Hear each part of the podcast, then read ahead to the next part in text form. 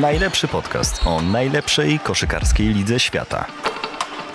Explain the NBA. Analizują i wyjaśniają Mirosław Noculak i Radosław Spiak. Co tydzień tylko na desport.pl. Witamy, witamy w drugim odcinku naszego podcastu. Dobry wieczór, Mirosławie. Dobry wieczór, Radosławie. Pierwszy pełny tydzień nowego sezonu NBA już za nami. E, ile meczów obejrzałeś w tygodniu?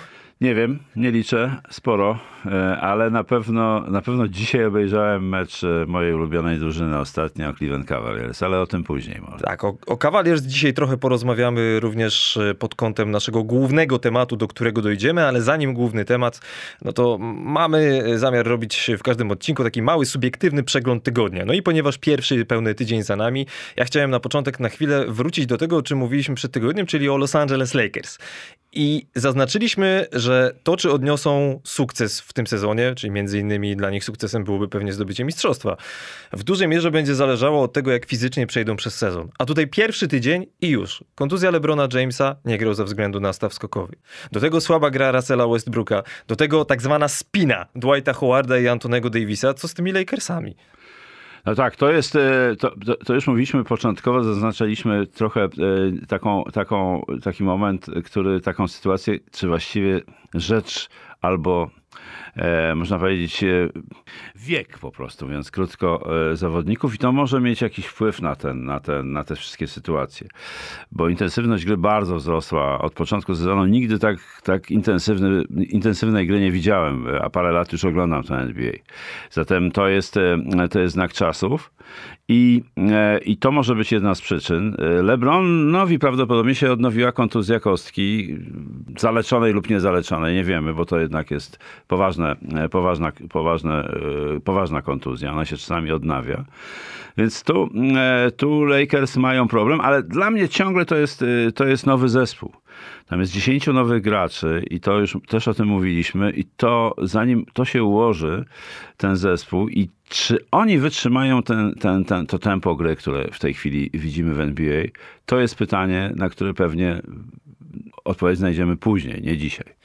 Ja bacznie staram się obserwować grę Russella Westbrooka, bo bardzo mnie ciekawi, jak zawodnik, który ma dość duże ego, przez ostatnie lata był najważniejszym zawodnikiem w swojej drużynie, czy grał w Waszyngtonie, czy wcześniej w Oklahoma City po odejściu Kevina Duranta, dopasuje się do gry, czy z LeBronem Jamesem, czy z Antonym Davisem i te pierwsze trzy mecze w jego wykonaniu były, powiedzmy sobie szczerze, dość słabe i nie chodzi mi nawet o statystyki, chociaż jakbym miał mu coś wypomnieć, to przede wszystkim średnio prawie sześć strat w każdym meczu, w pierwszych trzech. Potem zagrał naprawdę nieźle z San Antonio, ale ja mam takie wrażenie, jakby on cały czas nie mógł się na tym boisku odnaleźć i myślę sobie, czy w perspektywie długoterminowej nie byłoby lepiej dla Lakers, gdyby Frank Vogel uznał, żeby Russella Westbrooka wprowadzać do gry z ławki.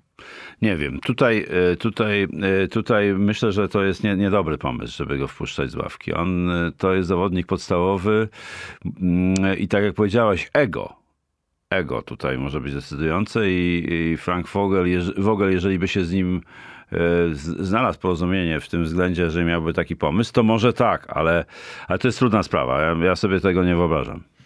No i niestety, znaczy niestety, niestety, okazało się, że uraz Nikoli Jokicia nie jest tak groźny, na jaki wyglądał na początku. No to świetne. Ale dla Denver to była sytuacja no nie chcę tutaj przesadzić, ale wyglądała na okropną, bo gdyby Nikola Jokic ze względu na kontuzję kolana był wyłączony z gry na dłuższy czas, no to bez Jamala Mareya i bez Nikoli Jokicia Denver wyglądałoby naprawdę kiepsko. Na szczęście y, Jokic ma grać. Kontuzjowany ostatnio także Galinari, kontuzjowany Porzingis. Dość dużo tych urazów, jeszcze nawet przed rozpoczęciem sezonu. No Galinari dzisiaj wrócił, w nocy już się pojawił y, w grze y, z z Nowym Orleanem Atlanta grała i miał jakieś minuty. Natomiast, y, natomiast rzeczywiście tych kontuzji jest bardzo dużo. A y, ten uraz Jokicza wyglądał rzeczywiście strasznie. E, natomiast on w ciągu 15 minut zdobył 24 punkty w tym meczu. Przeciwko Jego... Gobertowi między tak, innymi, bo tak. grali z Utah. I, to, i to, był, to był kluczowy moment. Zdaje się, że, znaczy nie, nie zdaje się, ale na pewno, że on musiał opuścić boisko. Jeżeli chodzi o wynik meczu. A że Zmieni to świetnie wykorzystali, to jest inna sprawa. I naprawdę grają dobrze e, w tym roku i mają chyba jeszcze mocniejszy skład niż w poprzednim sezonie. Od tego sezonu mamy też coś, co mnie bardzo się podoba, czyli delikatną, a może nawet nie taką delikatną zmianę przepisów, dotyczącą przede wszystkim wymuszania fauli przy rzutach. E, na samym początku tego sezonu było już kilkanaście co najmniej takich sytuacji dość kontrowersyjnych, w tym sensie, że pewnie w poprzednich sezonach byłyby gwizdane jako faule w obronie.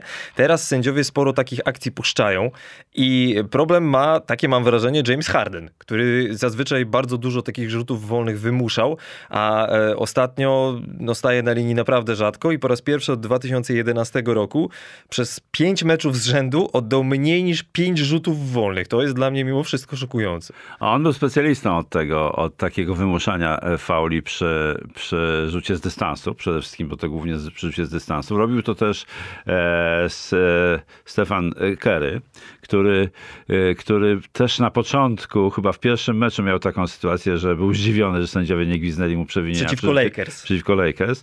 E, to, to Harden także, ale to, to, to też jest technika e, uwalniania się od gracza przed rzutem.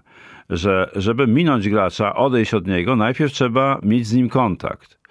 I tutaj często, w momencie, kiedy, kiedy e, gracz właśnie ataku ten kontakt starał się nawiązać z obrońcą, wykonywał rzut i, i, ten, i ten rozpaczliwy ruch rękami, że, że jest bardzo faulowany i sędziowie poprzednich sezonach e, dawali rzuty e, wolne po takim, po takim przewinieniu.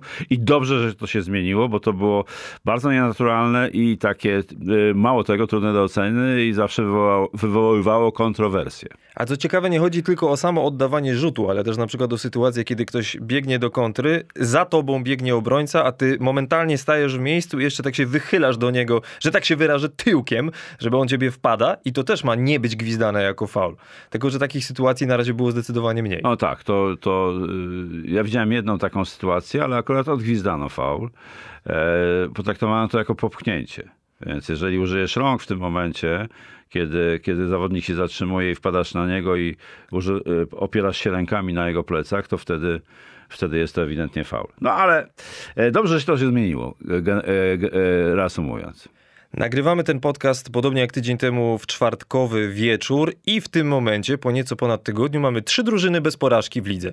Jestem z siebie zadowolony, jeśli chodzi o drużynę, jaką wybrałem do oglądania w pierwszym odcinku, bo powiedziałem, że chciałbym oglądać Golden State w tym sezonie. Oni jeszcze nie przegrali, podobnie jak Utah i podobnie jak Chicago Bulls. Najlepszy start od ćwierćwiecza, od czasów Michaela Jordana. O tak, e, rzeczywiście oni mają, mają e, świetne, e, świetne wyniki, ale dzisiaj czeka ich pierwszy taki poważniejszy sprawdzian moim zdaniem dzisiaj w nocy, ponieważ spotkają się co prawda u siebie, ale z Nowym Jorkiem. To będzie mecz, który będę oglądał. W ogóle Chicago teraz ma taki prawdziwy test, bo po tym meczu z Nowym Jorkiem do Chicago przyjeżdżają Utah, potem mecz wyjazdowy w Bostonie i potem dwumecz z Filadelfią, a potem Brooklyn, Dallas, Golden State, Clippers, Lakers, Portland, Denver.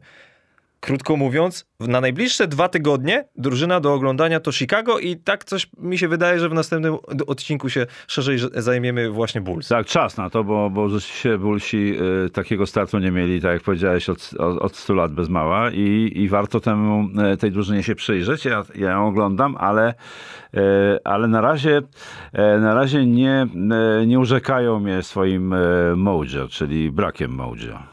A wiesz, co mnie jeszcze zaskakuje po tym pierwszym tygodniu? Słaba postawa Bostonu mimo wszystko. Taka nie, nierówna, nierówna. Tak, mhm. tak. Ten pierwszy mecz w Nowym Jorku był totalnie szalony. Tam się tak. skończyło po dwóch dogrywkach. E, natomiast e, Boston dwa zwycięstwa, trzy porażki nowy trener Ime Judoka, jeszcze nie wiem, co o nim myśleć. No lepiej nie oceniać go na razie. Oczywiście, natomiast y, myślę, że fani Bostonu wiążą z nim duże nadzieje, bo to jest y, kolejny człowiek, którego można wpisać w to drzewo nazwijmy to, trenerskie drzewo genealogiczne Grega Popowicza. No tak, tak. On miał tam e, u niego w sensie, że był asystentem. Ale e, wydaje się, że, że Boston, e, Boston ma możliwości. Granie równo, bo ci dwaj, Jalen Brown, Jalen Brown i, i, i Tatum to są, to są super gwiazdorzy i myślę, że oni będą nieraz nas zaskakiwać jeszcze świetnymi meczami. Chcielibyśmy przejść w takim razie do naszego głównego dzisiejszego tematu, bo w Explain the NBA, jako się rzekło w pierwszym odcinku, będziemy starali się trochę tłumaczyć to, co dzieje się na boisku i dlaczego dzieje się tak, a nie inaczej. I pod kątem taktycznym chcielibyśmy dzisiaj trochę porozmawiać o obronie strefowej, która kiedyś w NBA była zakazana do 2001 roku, a ostatnio powiedzmy tak w ciągu ostatnich dwóch, trzech sezonów przeżywa swego rodzaju renesans. I zanim mo może dojdziemy do liczb, bo y, do, dotarłem do kilku ciekawych statystyk, jeśli chodzi o użycie obrony strefowej, to na początek y, chciałbym się zastanowić, i tu wiem, że masz też historię do opowiedzenia w związku z tym. Będzie. Będzie historia. E, dlaczego w ogóle obrony strefowej w NBA nie było? Dlaczego była, e, dlaczego nie można było z niej korzystać? Bo, bo obowiązywała tak zwana illegal defense. Nie wiem, jak to przetłumaczyć. To chyba jest, e, co to jest? To jest nie, nielegalna obrona, niedozwolona, niedozwolona obrona, tak, można, można tak powiedzieć. I to jest, to, to, to, to jest dosyć skomplikowana historia. Nie ma co wracać do tego wręcz ona już nie wróci moim zdaniem do, do, do, do NBA, ta, ta właśnie ten sposób obrony.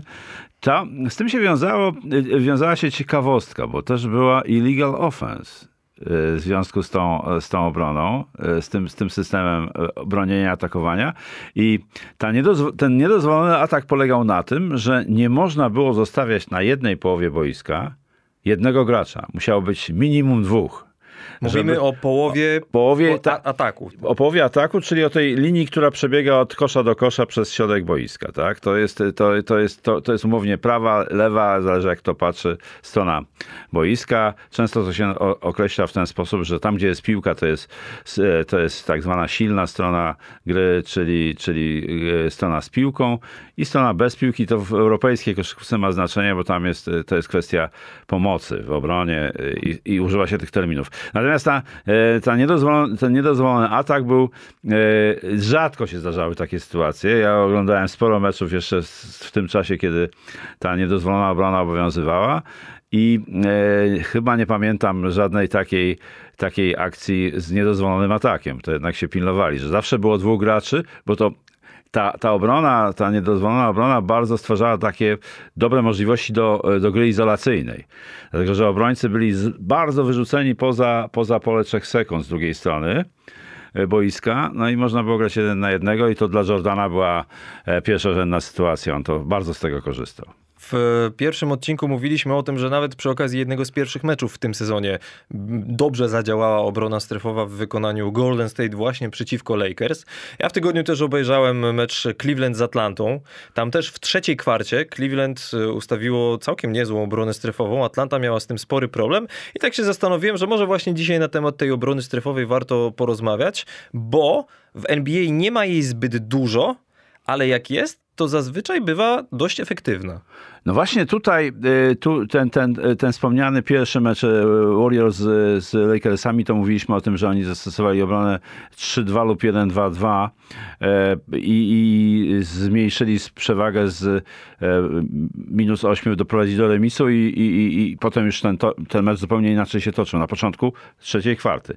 Natomiast Cleveland Cavaliers zastosowali obronę strefową też 1-2-2 lub 3-2. E, to, to, to zamiennie można stosować w bardzo ciekawym ustawieniu, bo na szczycie zasłony, czyli najbliżej E, najbliżej linii środkowej boiska, czyli ten pierwszy obrońca, jeżeli chodzi o, o przyjęcie ataku, to był, e, to był jeden z najwyższych graczy w tej drużynie, czyli Evan Mobley. To jest e, pierwszoroczniak, świetny chłopak, który notabene jak biega, to wygląda jakby jeszcze rósł. Kolana mu tak się chyboczą trochę, ale jest niezwykle sprawny koszykarsko. Nieprawdopodobny talent i oglądanie jego jest czystą przyjemnością. I dodajmy, że ma 211 cm 211 i w tym samym momencie było jeszcze dwóch graczy w tych granicach, czyli to, to, był, to był Allen i, e, i Markinen. Więc to, to, to ustawienie, mm, e, to ustawienie Jared Allen, właśnie to imię mi wyleciało, ale Jared Allen, to też jest historia dziwna, bo nie rozumiem, dlaczego e, Nets oddali go swego czasu do Cavaliers dwa lata temu. Ale to nieistotne. I w drugiej linii właśnie pod koszem ustawieni byli ci wysocy Markinen i, i e, Allen, a tuż za Moblejem dwóch niskich graczy i to był Sexton i Rubio. I ta trójka maksymalnie utrudniała grę w ataku drużynie, e, drużynie z Atlanty. To było niezwykle skuteczne, gdyż mieli z rzędu zdobyli, broniąc w ten sposób, 15 punktów, a Atlanta nie odpowiedziała żadnym punktem. Jeszcze jest jedna ważna rzecz w tej obronie. W tej, ta obrona 1-2-2 lub 3-2 e, ma oczywiście swój, e, swoje mankamenty. Tym mankamentem jest właśnie trzecia linia, ta ostatnia, czyli nie, nie najlepiej kryte rogi boiska. Stamtąd najczęściej się zdobywa punkty przeciwko obronie strefowej. W ogóle mam takie wrażenie, że samo użycie obrony strefowej w NBA jest trochę trudniejsze niż w tej koszykówce tak zwanej fibowskiej. Również chociażby ze względu na fakt, że linia rzutów za trzy jest dalej od kosza, czyli ta strefa musi pokryć, wie, pokryć większy obszar boiska. I szersze boisko. I szersze boisko. Natomiast parę liczb w ramach ciekawostki. W sezonie 2009-10, czyli już ponad 10 lat temu, strefa była używana w 3% akcji obronnych. To, to był mało. szczyt w, tam, tak. w tamtych latach. I, I potem zaczął się całkowity zjazd, totalny zjazd, gdzie w sezonie 2017-18 strefa praktycznie zaniknęła w NBA. Była używana w, w uwaga, dwóch dziesiątych procent wszystkich e, posiadań obronnych, że tak się wyrażę. Jeszcze wtedy, w te, te 10 lat temu strefa e, była, ze strefy korzystał między innymi ówczesny trener Dallas Mavericks do niedawna jeszcze, Rick Carlisle tak, i ta strefa pomogła między innymi Zdobyć mistrzostwo przeciwko Miami Heat w 2011 roku roku. Potem to użycie strefy spadało, spadało i strefa nagle odrodziła się dwa sezony temu w tak, w, tym, w tym sezonie z bańką. Tak. Nawet, nawet nie tylko w samej bańce, już trochę wcześniej, tak. ale w bańce widzieliśmy jej najwięcej, między innymi kiedy korzystało z niej Miami. Tak, tak. Tutaj, tutaj Eric Spelstra e, bardzo dużo stosował strefy, obrony strefowej i, i było to skuteczne. Natomiast e, no tutaj e, warto powiedzieć, kiedy się tę strefę stosuje i po co się stosuje, bo zastanawiałem się, dlaczego Bickerstaff, coach Cleveland, JB Bickerstaff Użył tej strefy na początku drugiej połowy w meczu z Atlantą, co dało takie, takie osiągnięcie, jak mówiliśmy przed chwilą. I, I sądziłem, że to było związane z tym, że wyszedł z trzema graczami powyżej dwóch dziesięciu czyli Allen, e, e, Mobley i Markanen. I tutaj, tutaj wydawało mi się, że to było tym podyktowane. Ale sądzę, bo, ale później grał z tymi trzema graczami grał, i krył każdy swego, więc to chyba nie, nie był ten powód. Chciał moim zdaniem zaskoczyć na początku drugiej połowy zaskoczyć przeciwnika zmianą systemu.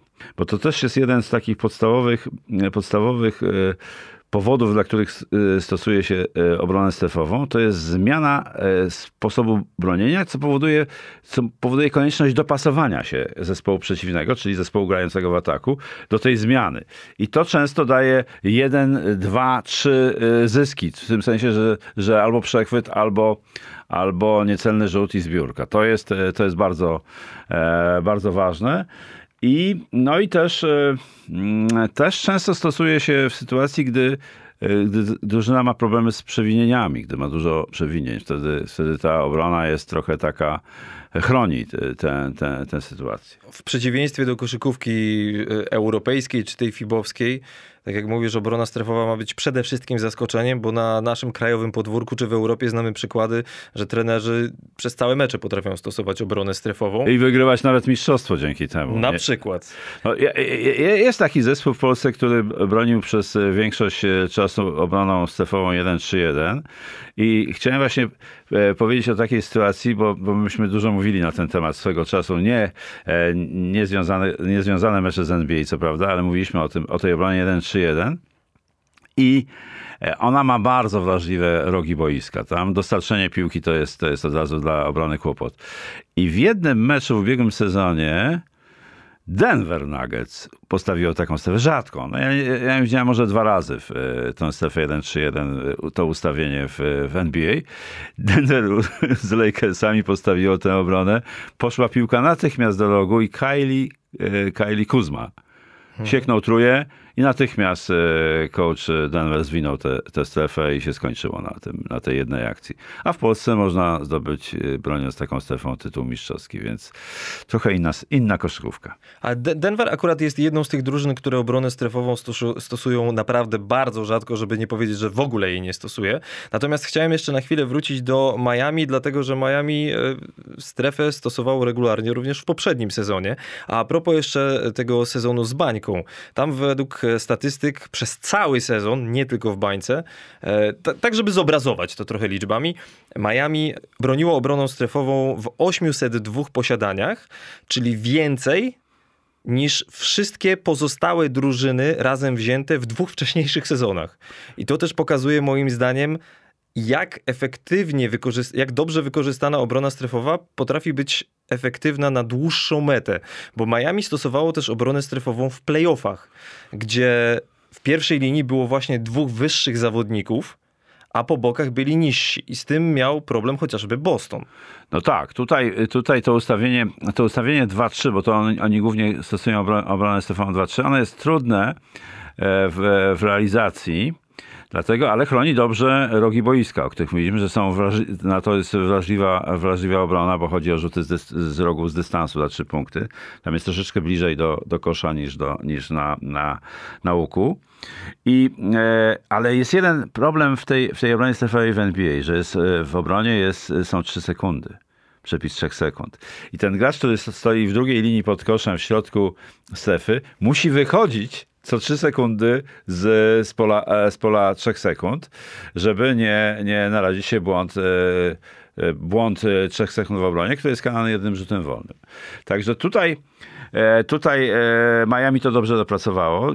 Dzisiaj w meczu z Brooklynem też zastosowali kilka akcji te, tej obrony 2-3 I, i myślę, że to jest jedna z podstawowych sposobów obronienia drużyny z Miami. Ja mówię o tym nieprzypadkowo, dlatego że no taki stereotypowy system obronny 2-3 mówi o tym, że z przodu są ci niżsi, szybsi zawodnicy, a ci wyżsi są z drugiej strony, żeby być bliżej kosza, do zbiórek i tak dalej. A jak w bańce był Jimmy Butler z przodu, ze, swoim, ze swoimi długimi ramionami, przecinał linię podania, no to to naprawdę jest kłopotliwe. Tak, jeszcze e, pamiętam też, że, że, e, że z, e, z tym mie, mie, miało większość zespołów problem, dlatego że oni stawiali zasłony we wewnątrz tej dwójki z przodu. I to jest bardzo nieskuteczne, bo ta zasłona właśnie typu pick and roll nazwijmy ją, chociaż to, to nie jest dokładnie tak samo, ona, e, ona powoduje, że nie zyskuje się przewagi, ponieważ ten drugi obrońca, jeżeli stawia się w środku tej, tej dwójki, to ten drugi obrońca natychmiast przejmuje i nie ma, nie ma, nie ma zysku. Zasłonę przeciwko obronie strefowej 2-3 trzeba stawiać z zewnątrz, czyli najbliżej linii bocznej. Wtedy jest natychmiast przewaga. Nie wszyscy trenerzy o tym wiedzą.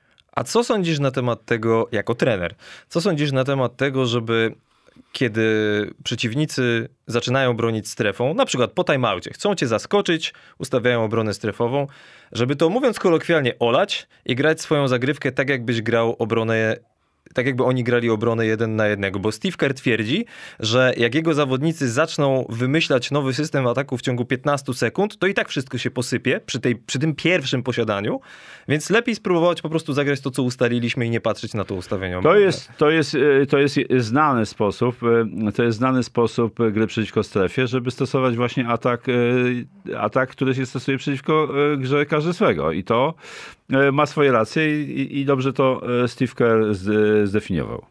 Obrona strefowa, i tutaj jeszcze wrócę na moment do kilku liczb. Obrona strefowa według też niektórych trenerów, tutaj znalazłem taki cytat e, z Dwayna Casey'a, który mówił, że według niego obrona strefowa w NBA przy obecnej liczbie rzutów za trzy punkty wcale nie ma spowodować, żeby tych rzutów było mniej, tylko ma w pierwszej kolejności niemal całkowicie wyeliminować rzuty spod samego kosza. I wszelkie liczby, do których przynajmniej dotarłem, w zasadzie to potwierdzają. Dlatego, że rzuty za trzy punkty przy obronie strefowej to są statystyki sprzed dwóch sezonów, bo takie są najświeższe. Były warte 1,5 punktu na jeden rzut. Rzuty spod samego kosza 1,27 na jeden rzut. Więc jak ustawiasz obronę strefową, to chodzi o to, żeby przede wszystkim rywale nie wchodzili pod sam kosz.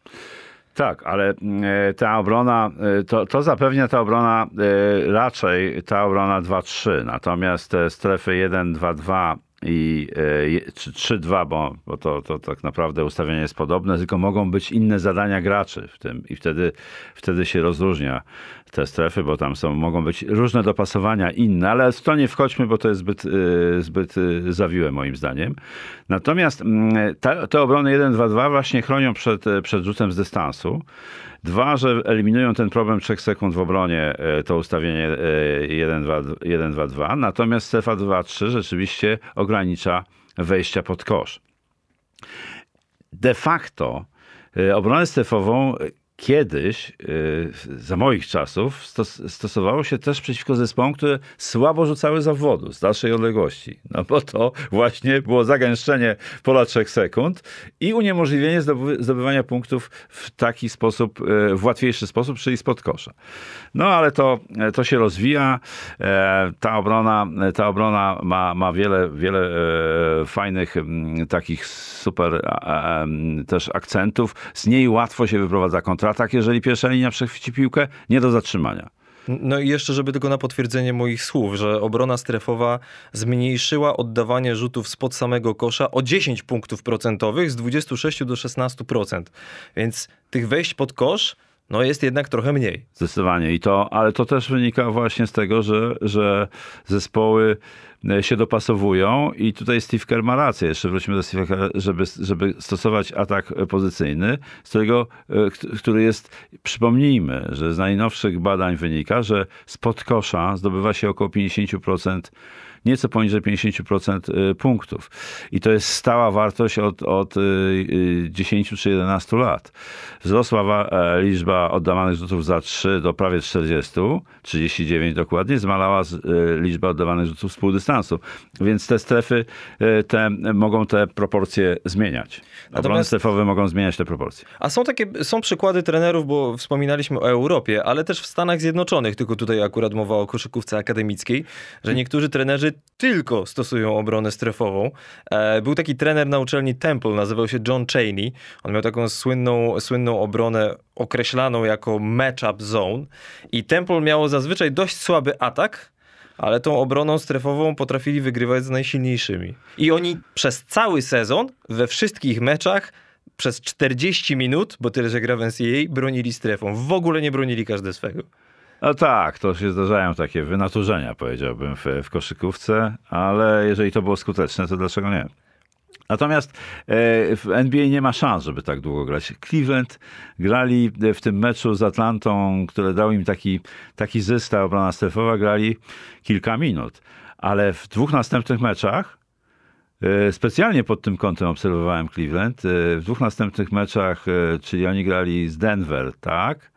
Następny mecz z Denver i następny mecz z Clippersami, e, czyli dzisiaj w nocy grali z Clippersami, prawie w ogóle nie stosowali obrony strefowej. Zatem e, Bickerstaff wiedział, że że drużyny dobrze zeskautowały, czyli sprawdziły, y, jak oni bronią i na pewno każdy z zespołów miał dobrą odpowiedź, miałby dobrą odpowiedź na tę obronę strefową. To są też ciekawe historie. A jeszcze ciekawy przykład użycia strefy mieli Los Angeles Lakers w poprzednim sezonie, kiedy bronili chociażby przeciwko Dallas, przeciwko Luce Donciciowi, żeby ograniczyć te jego akcje pick and roll, po których jest zazwyczaj najskuteczniejszy.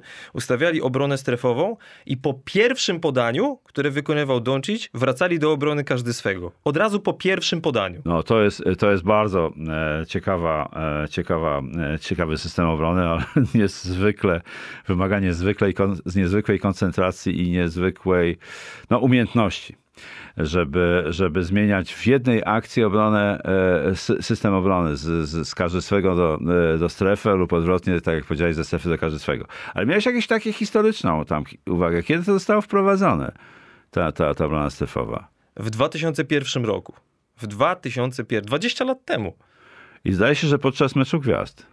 Tak mi się wydaje. David Stern ogłosił to w Waszyngtonie podczas meczu gwiazd i coś mi świta, że ja na tej konferencji byłem jako komentator. Wówczas jednej ze stacji komentowaliśmy ten mecz gwiazd z Wojciechem Michałowiczem i wydaje mi się, że tam byłem i, i z tym związana jest też taka historyjka. Shaq, e, Shaquille O'Neal był kontuzjowany i nie grał w meczu gwiazd. I była taka sytuacja, kiedy po w jakiejś przerwie między konkursami, prawdopodobnie w, w meczu gwiazd, znaleźliśmy się w toalecie i tam był już Shaquille O'Neal przede mną, ale obok nie było, niego było wolne miejsce. Skwapliwie z tego skorzystałem, bo toaleta była nieduża i było sporo chętnych.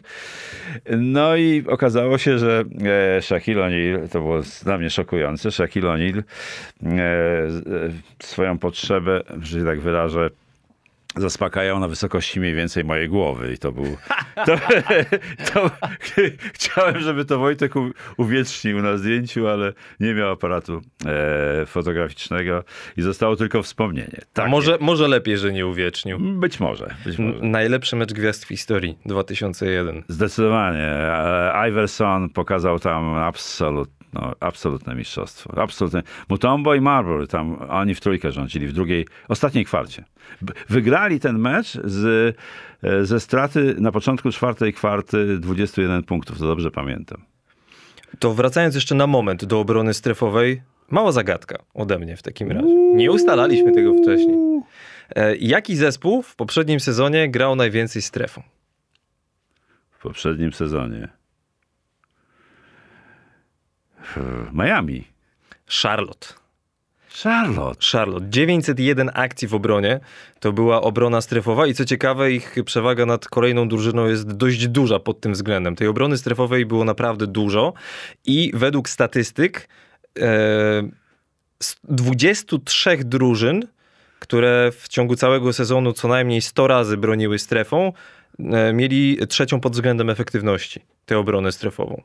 Charlotte. Widziałem dzisiaj, że też w nocy mieli pojedyncze akcje e, właśnie z e, wstawki obrony strefowej. Także Charlotte e, jest tych zespołów sporo, które stosują te, ten sposób obrony i to jest dla mnie to jest znak czasów. Ostatni element w zasadzie obrony strefowej, o którym chciałbym jeszcze dzisiaj porozmawiać, to jest element nietaktyczny że tak się wyrażę, tylko bardziej psychologiczny. Dlatego, że jak czytam o obronie strefowej w NBA i patrzę na wypowiedzi niektórych trenerów, to rzuca się w oczy to, że przez lata ja takie odnoszę wrażenie, że przez lata obrona strefowa była uznawana za oznakę słabości. Że jesteś za słaby w obronie indywidualnej, żeby bronić jeden na jednego, więc ustawiasz obronę strefową. Doc Rivers powiedział, że gdyby jego trener ze szkoły średniej, nieżyjący już, zobaczył, ile on używa obrony strefowej jeszcze wtedy w Los Angeles Clippers, a nie używał jej jakoś bardzo dużo, Ale stosowo. to by się przewracał w grobie. I mam takie wrażenie, bo przeczytałem też wypowiedzi, nie wiem, czy Garego Paytona, który twierdzi, że, że obrona strefowa cały czas powinna być zakazana w NBA i że obrona strefowa jest dla mięczaków. I, i, znajduję tutaj wypowiedzi trenerów, tutaj akurat wypowiedź anonimowa, że, że, że, mówiąc nawet do swoich zawodników i przekonując ich do tego rodzaju obrony, on stara się unikać sformułowania strefa, bo cały czas ta obrona no, ma jakiś taki wydźwięk negatywny na zasadzie, nie no naprawdę jesteśmy aż tak słabi, żeby bronić strefą? Co sądzisz na ten temat? Nie, no to jest, e, to, to, to każdy ma prawo do swojego poglądu, ale po pierwsze, kiedyś e, rzeczywiście w Europie, a szczególnie w koszykówce młodzieżowej w Polsce stosowało się obronę strefową tak zwane stajemy strefą, czyli bardzo nieaktywne. To, to, to chodziło o to, żeby właśnie e, ci młodzi ludzie, którzy zderzali się ze strefą w ataku, żeby, żeby uniemożliwić im wchodzenie pod kosz. Bo nie mieli jeszcze umiejętności rzutu, nie mieli jeszcze takiej techniki, żeby mijać tak sprawnie. To tę obronę często stosowano i ona była zakazywana w Polsce. Natomiast uważam, że obrona strefowa to jest najwyższy stopień wtajemniczenia w obronie. Najwyższy. Ponieważ tutaj organizacja obrony strefowej jest o dużo bardziej skomplikowana niż, e, czyli współpraca w obronie strefowej jest dużo bardziej skomplikowana niż w obronie każdy swego. To jest moje zdanie i ja jako trener stosowałem obronę strefową do tego, żeby podnosić umiejętności gry e, w treningu, obronę strefową, żeby podnosić umiejętności obrony z każdy swego. To był mój sposób na to, żeby ludzie lep lepiej bronili każdy swego. W związku z tym e, mam inne zdanie niż ci trenerzy i, i Gary Payton, których e, opinie przytaczałeś. Obronie strefowej na pewno będziemy się jeszcze przyglądali w tym sezonie, ale pewnie trochę później zobaczymy, kto gra częściej obronę strefową, kto rzadziej. I czy i przynosi korzyści, tak jak Cleveland przyniosło to w meczu z Atlantą. I tak jak Golden State przyniosło korzyść w meczu Lakers. z Lakers. Ale będziemy się przyglądali w tym sezonie także zawodnikom młodym. Oczywiście co roku o. draft, nowe twarze, nowe nazwiska. Ja po pierwszym tygodniu zostałem fanem Scottiego Barnesa z Toronto Raptors, czwarty numer draftu i nie chodzi mi nawet o jego jego statystyki czy, czy liczby, chociaż 25 punktów i 13 zbiórek przeciwko Bostonowi na pewno robi wrażenie, ale ja zazwyczaj staram się patrzeć na debiutantów pod kątem tego, czy oni byliby przydatni w finałach. Gdyby ich drużyna grali, grała w finałach, czy dany zawodnik dany pierwszoroczniak odegrałby w takim finale znaczącą rolę. No bo wiadomo, że sezon zasadniczy, tym bardziej jego początek, to jest jeszcze trochę, trochę taki rozruch. Ale mam wrażenie, patrząc na Scottiego Barnesa, że pomijając jego świetne warunki fizyczne, to jest po prostu już w tym momencie bardzo mądry zawodnik, gotowy na najwyższy poziom. E, robią wrażenie na mnie e, też e, ci pierwszoroczniacy i też jest ciekawa statystyka. E, związana z tym, z tym piątką najlepszych, najskuteczniejszych pierwszoroczniaków w porównaniu z ubiegłym rokiem.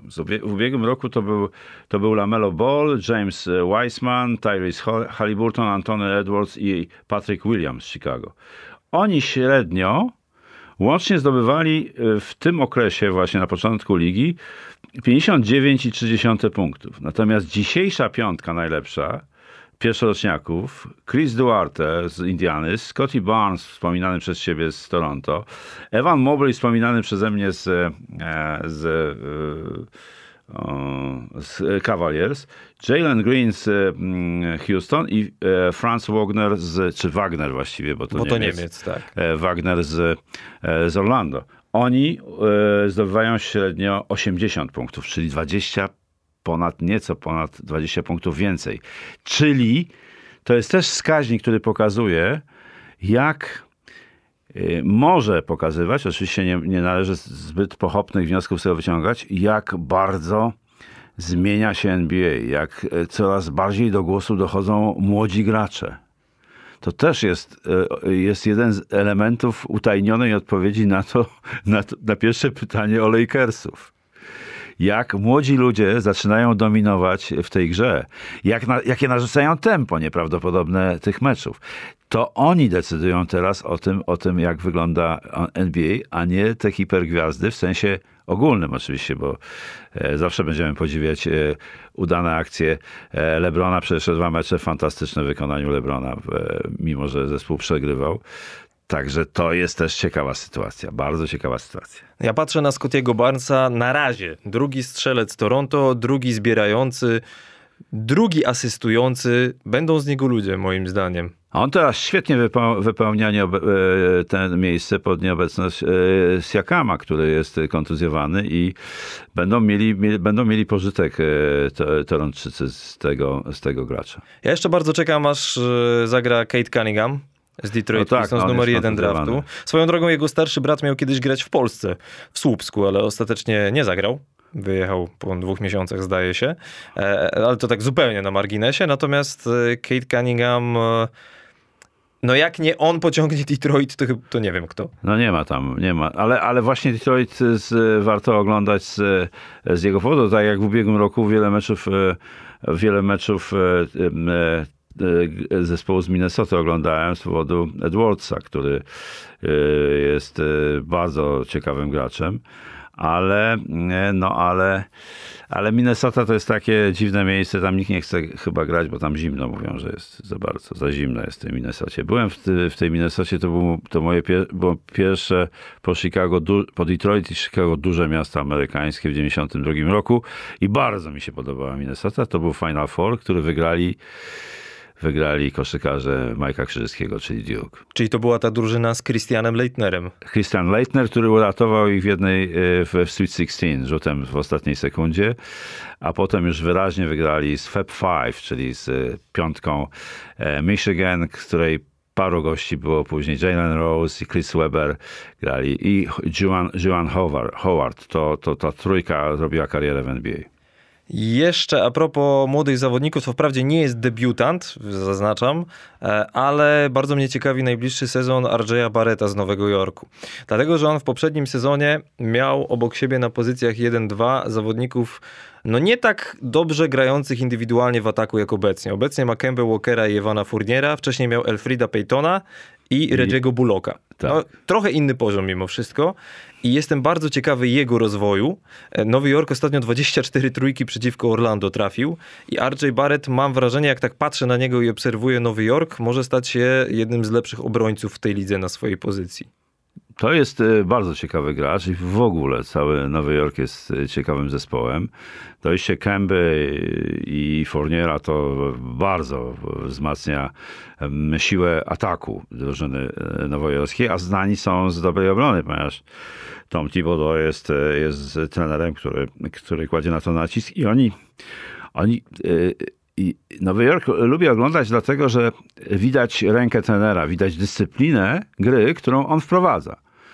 On się bardzo zmienił z, z, takiego ciągle skrzywionego i atakującego opresyjnie swoich zawodników w spokojnego, gra, spokojnego trenera przy linii bocznej. Robi te kwaśne miny swoje nadal, ale no już można to znieść. Natomiast gra jego zespołu bardzo mi się podoba i Nowy Jork lubię oglądać. To polecamy w najbliższym tygodniu na pewno Chicago do oglądania. Myślę, że Chicago zajmiemy się nieco szerzej w następnym odcinku. Kogo jeszcze? Na najbliższy tydzień? No zawsze, zawsze, zawsze warto oglądać Warriors. Na pewno będę śledził Cleveland, bo te trzy mecze wygrane na wyjeździe to zrobiły na mnie ogromne wrażenie. I przyznaję, że. że... Dwa na wyjeździe, jeden u siebie, o tak. Tak? Bo jeden z Atlantą wygrali u siebie. U siebie grali z Atlantą? Tak, A, to tak. widzisz, to... to, to... No ale tak czy inaczej, mają dodatni bilans po pięciu meczach. Tak, i tu, e, tutaj, e, tutaj bym chciał to, chciał to oglądać, to Cleveland dalej. Zobaczymy, jak oni wytrzymają ten, ten całą, e, ten całą presję, którą sobie sami zafundowali teraz z a dzisiaj w nocy jest, jest parę ciekawych meczów właśnie jest właśnie Nowy Jork e, z Chicago. To trzeba obejrzeć. Wizards Hawks. E, podniosłem głos, bo Wizards mają bardzo ciekawy skład i bardzo, bardzo fajną ekipę. E, mają dwóch mistrzów, Kentaviusa, Kentavius Caldwell Pope. Caldwell Pope i Kyle Kuzma, Montrezl Harrell, D, Spencer Dinwiddie, który jest niesamowitym kotem. E, miał długą przerwę spowodowaną kontuzją, no i stały gwiazdor tej drużyny, czyli e, Bradley Bill. To naprawdę, oni naprawdę nieźle grają. Ja na pewno jeszcze rzucę okiem na Charlotte z Miami. To jest noc z piątku na sobotę. Charlotte w tym momencie, jak nagrywamy ten podcast, cztery zwycięstwa, jedna porażka, Miami bilans 3-1. A propos też tej obrony strefowej, o której mówiliśmy no w poprzednim sezonie najwięcej. E, zobaczymy tutaj dwa takie zespoły, które korzystały z obrony strefowej, więc jestem bardzo ciekawy pod kątem tego, co mówiliśmy, jak będzie wyglądało Dzisiaj to w nocy jeszcze jest fajny meczek jeden. E, to są Memphis z Golden, e, z Golden State. I to, e, to bardzo mnie interesuje, ponieważ ja e, uwielbiam tego kota z e, tego ja, ja, ja, ja Morant. On niesamowity, ma taki wąsik ala Zorro i jest nieprawdopodobny, nieprawdopodobny, ale jest przede wszystkim nieprawdopodobnym graczem. Uwielbiam patrzeć, jak on gra. I to, co on wyczynia, to jest niesamowite. No, także jest co oglądać. Jest tych meczów. Właściwie wybór jest bardzo trudny. I to jest ciekawe, że mówiliśmy na początku w pierwszym podcaście, kogo nie oglądać i tak dalej. Dzisiaj wycofuje się absolutnie. Wszyscy są do oglądania. absolutnie są wszyscy do oglądania. Łącznie z Orlando, łącznie z Houstonem, z tym Jalenem Greenem, który też niezłe sztuki e, wyczynia w Houston. Wszyscy są do oglądania i to jest fantastyczne w NBA. Oklahoma City nawet, których ja nie, chcę, nie chciałem oglądać. Dzisiaj z Lakers wygrali. Ale z jakiego wyszli? Z minus 26. Do, pod koniec drugiej kwarty było minus 26 i wyprowadzili tych Clippersów na łączkę. Lakersów. Lakersów, przepraszam. Ta, no to konotacja z LA, tak. E, wyprowadzili ich na łączkę takich spoconych mocno i przestraszonych i złych, bo e, to, co zrobili ci chłopcy tam z, z Oklahomy, to było nieprawdopodobne. Kończymy drugi odcinek Explain Kończymy the NBA. Już? Tak, czas nas goni. Dzięki wielkie. Od razu zaznaczamy też, że oprócz Spotify możecie też nas słuchać na Apple Podcast i Google Podcast. Zapraszamy w każdy piątek. No i odsyłamy oczywiście na desport.pl, tam więcej tekstów. Zresztą nie tylko o koszykówce, nie tylko o NBA. A za dzisiaj dziękujemy. Dziękujemy.